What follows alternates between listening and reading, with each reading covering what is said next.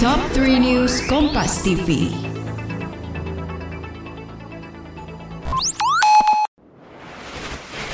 Sobat Medio, kamu penggemar kisah di balik layar investigasi program Aiman Kompas TV? Penasaran dengan kehidupan Aiman Wicaksono di luar televisi? Simak podcast Aiman Wicaksono, eksklusif dan belum pernah disampaikan olehnya di program Aiman Kompas TV. Persembahan Media Podcast Network by KG Media, Kompas TV, dan Trusted Talent Management hanya di Spotify. Hai sahabat Kompas TV, saatnya kita update 3 berita terpopuler yang terjadi hari ini, hari Senin 18 Juli 2022 bersama saya Dea Davina di Top 3 News Kompas TV. Berita yang pertama, sahabat Kompas TV, sebuah truk tangki bermuatan BBM menabrak sejumlah kendaraan di jalur alternatif Cibubur pada sore hari tadi. Berikut liputan selengkapnya untuk Anda. Sebuah truk tangki bermuatan BBM menabrak sejumlah kendaraan di Jalan Alternatif Cibubur, Bekasi, Jawa Barat. Truk ini menabrak sejumlah pengendara di lokasi. Dalam video yang beredar, sejumlah motor tergeletak di jalan.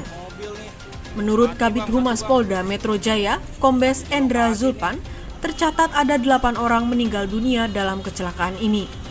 Korban masih didata dan sejumlah kendaraan serta truk tangki tersebut dievakuasi. Keluarga Brigadir Yosua Huta Barat yang meninggal dalam kasus polisi tembak polisi di rumah dinas Kadif Propam Polri Irjen Verdi Sambo melaporkan dugaan pembunuhan berencana ke Baris Krim Polri.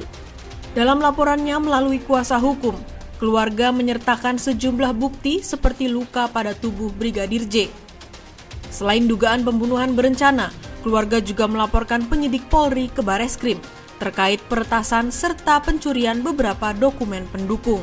Seorang istri anggota TNI menjadi korban penembakan oleh orang tidak dikenal di depan rumahnya. Korban mengalami luka serius di perut dan dilarikan ke rumah sakit. Usai menjemput anaknya pulang sekolah, RW, warga Jalan Cemara 3 Banyumanik Semarang, Senin siang menjadi korban penembakan orang tidak dikenal di depan rumahnya. Sebelumnya, korban diikuti tiga pengendara motor dan jatuh tersungkur, menderita luka di perut. Korban dirawat di rumah sakit.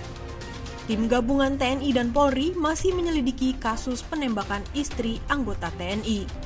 Sahabat Kompas TV, itu dia tadi tiga berita terpopuler yang terjadi hari ini.